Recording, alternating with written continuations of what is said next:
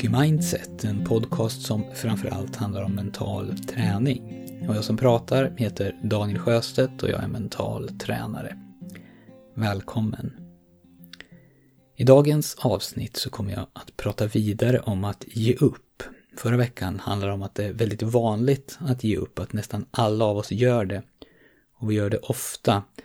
Och den som har styrkan att fortsätta när andra ger upp, han eller hon får automatiskt en fördel eftersom det här är en så sällsynt kompetens att ha. Och att ge upp definierar jag inte bara som att man efter halva Vätternrundan lämnar cykeln i diket och sätter sig i en funktionärsbil och åker hem. Eller vad motsvarigheten kan vara i ens privatliv eller inom ett företag. Utan jag definierar det också som att man inte gör det man har sagt att man ska göra på det sätt man har sagt att man ska göra det. Och att de här sänkta ambitionerna går emot det man har tänkt från början. Inte att man gör allt man kan och att det ändå inte lyckas, utan att man någonstans på vägen slutar försöka. Eller man börjar agera på ett sådant sätt, antingen genom handlingar eller icke-handlingar, att målet eller projektet inte längre är möjligt att genomföra fullt ut.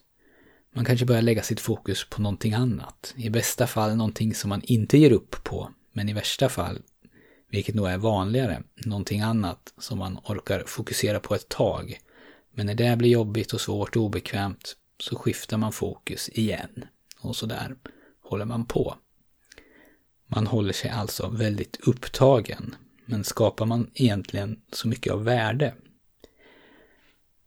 för det är ju så, och det här har jag pratat om flera gånger förr, att det är så roligt att planera och lägga strategier för sin hälsa eller sin ekonomi eller för organisationens långsiktiga mål.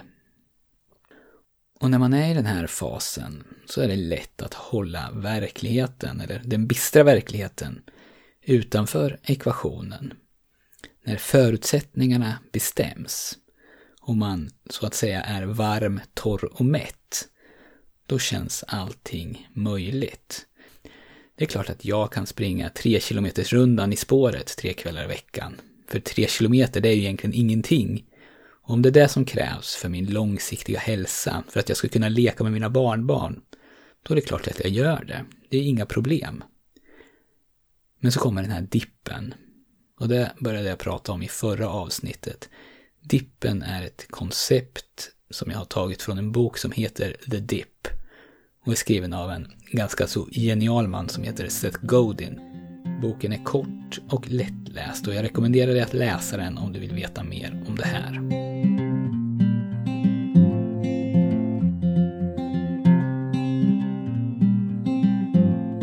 Dippen kommer när allt ska göras. Och då är du inte alltid torr, varm och mätt, utan då är du kanske kall, våt och hungrig och du har precis kommit hem från en lång arbetsdag. Och det där som nyss kändes så enkelt och självklart, tre kilometer, det var ju ingenting. Det är nu plötsligt inte alls lika lustfyllt.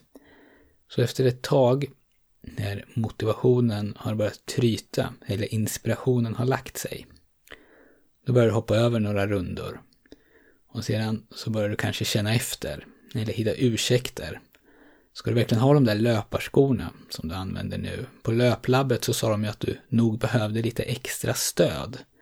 Kanske bäst att vänta lite med löpningen till du köpt nya skor. Och så två månader senare så är det här nya livet som du skulle skaffa dig bara ett dåligt samvete som du påminns om varje gång du går förbi de där nya, svindyra och oanvända löparskorna. Inom väldigt mycket av det som vi påbörjar så finns nästan allting bra på andra sidan dippen. Det är där som du hittar lönen för mödan. Och det här är ju inte något nytt, utan alla vet det. Det är ju ganska självklart. Och om vi tänker efter så vet vi förstås också om den här dippen vi vet att det kommer krävas hårt jobb och vi vet att det inte alltid kommer att vara roligt eller lätt. Och vi vet också om att de allra flesta ger upp på vägen. Ändå så missar vi ofta att ta hänsyn till den när vi planerar. Då litar vi på att motivation och inspiration, det som vi känner så starkt just nu, ska hålla i sig för alltid och att den ska bära oss över de här svårigheterna. Så en av strategierna som du kan använda det är ju då att planera för dippen. Försöka se hur den kommer att se ut och bestämma hur du eller ni ska reagera när den kommer. Och också förstå att den nog inte kommer att se ut precis så som ni har planerat. För om vi är förberedda på svårigheter och bakslag och oförutsedda händelser så går vi in i en situation med mer öppna ögon. Och då kommer också det som händer bli så mycket lättare att hantera. Och när dippen kommer så blir det jobbigt och svårt. Men i stunden det blir jobbigt och svårt så får vi inte ge upp. För att det är ju på grund av att det är just det, jobbigt och svårt, som vi vill genomföra det här, sannolikt. Det är ju därför det här projektet har ett värde. Annars hade ju alla kunnat göra det. Och Seth Godin, han skriver mycket om att välkomna dippen. Att det är en barriär som håller de flesta andra borta. Han menar att du ska till och med leta efter dippen och hoppas att den ska vara så djup som möjligt. Och det är ju när den här dippen försvinner inom din bransch som du ska börja bli orolig. För då kommer Google, eller Isabella Lövengrip, eller Uber och tar över. Gör samma sak som du gör nu, fast snabbare, billigare och bättre.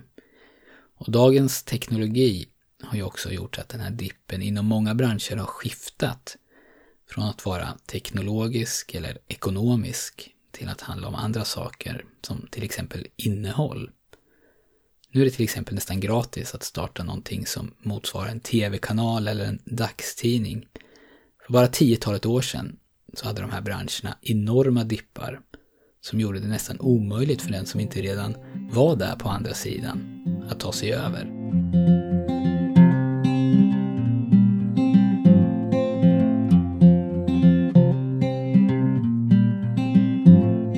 Istället för att bli överraskad av dippen och inte kunna hantera den och ge upp, så kan du vara glad att den finns, förstå varför den finns och faktiskt se det som en möjlighet. Kanske till och med uppsöka den.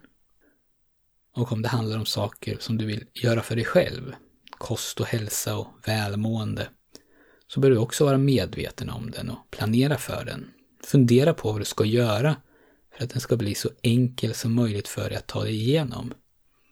Kanske inte börja med tre löppass i veckan i elljusspåret i mörka, kalla och regniga november, utan nöja dig med att ta några raska promenader på löpandet i gymmet och sen sakta öka farten tills du känner dig bekväm med att springa.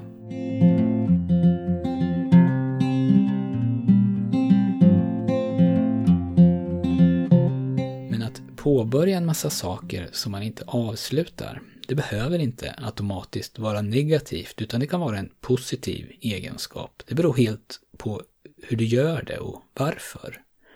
Kanske så vill du testa tre olika alternativ och du vet redan från början att av de här tre projekten som du påbörjar så kommer du att skrota två och bara fortsätta med det som utefter vissa riktlinjer är de bästa.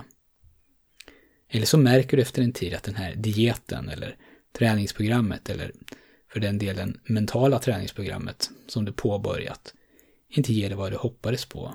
Du har gett det tid, men det funkar inte för dig. Eller så gjorde du en missbedömning av vad du hade för resurser till ditt förfogande och vilka resurser som krävdes. Och kanske är det så att priset som du får när du har tagit dig förbi dippen inte längre är relevant för dig. Någonting har förändrats. Det finns massor av olika scenarier här och vad jag vill komma till det är att det är bättre att vara proaktiv än reaktiv. Om du kan sträva efter att ha bestämt i förväg hur det ska behöva se ut för att du ska ge upp så är mycket vunnet. Så att du inte ger upp bara för att det känns jobbigt och för att du vill ge upp. Det är tvärtom i de situationerna du inte ska ge upp.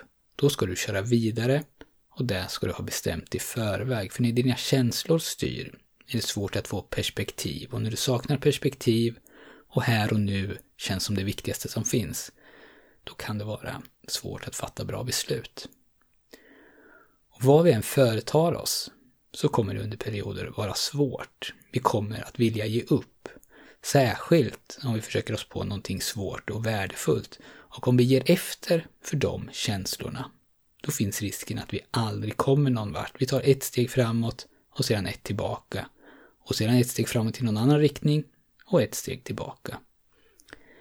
Så våga ge upp. Men ge inte upp på grund av att du i stunden vill ge upp.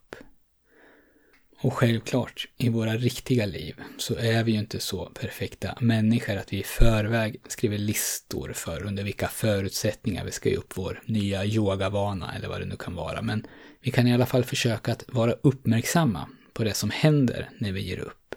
Gör vi det för att vi inte fick ut det vi ville av den här aktiviteten eller projektet, alltså en någorlunda rationell analys, eller gör vi det för att vi inte insåg att dippen skulle komma och att vi här och nu i stunden inte har energin att jobba oss igenom den?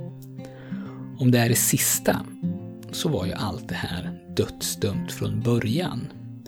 Då fanns det inget scenario då vi skulle kunnat lyckas.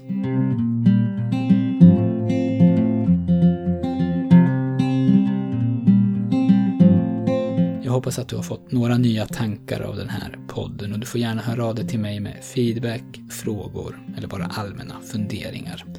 Daniel monkeymindset.se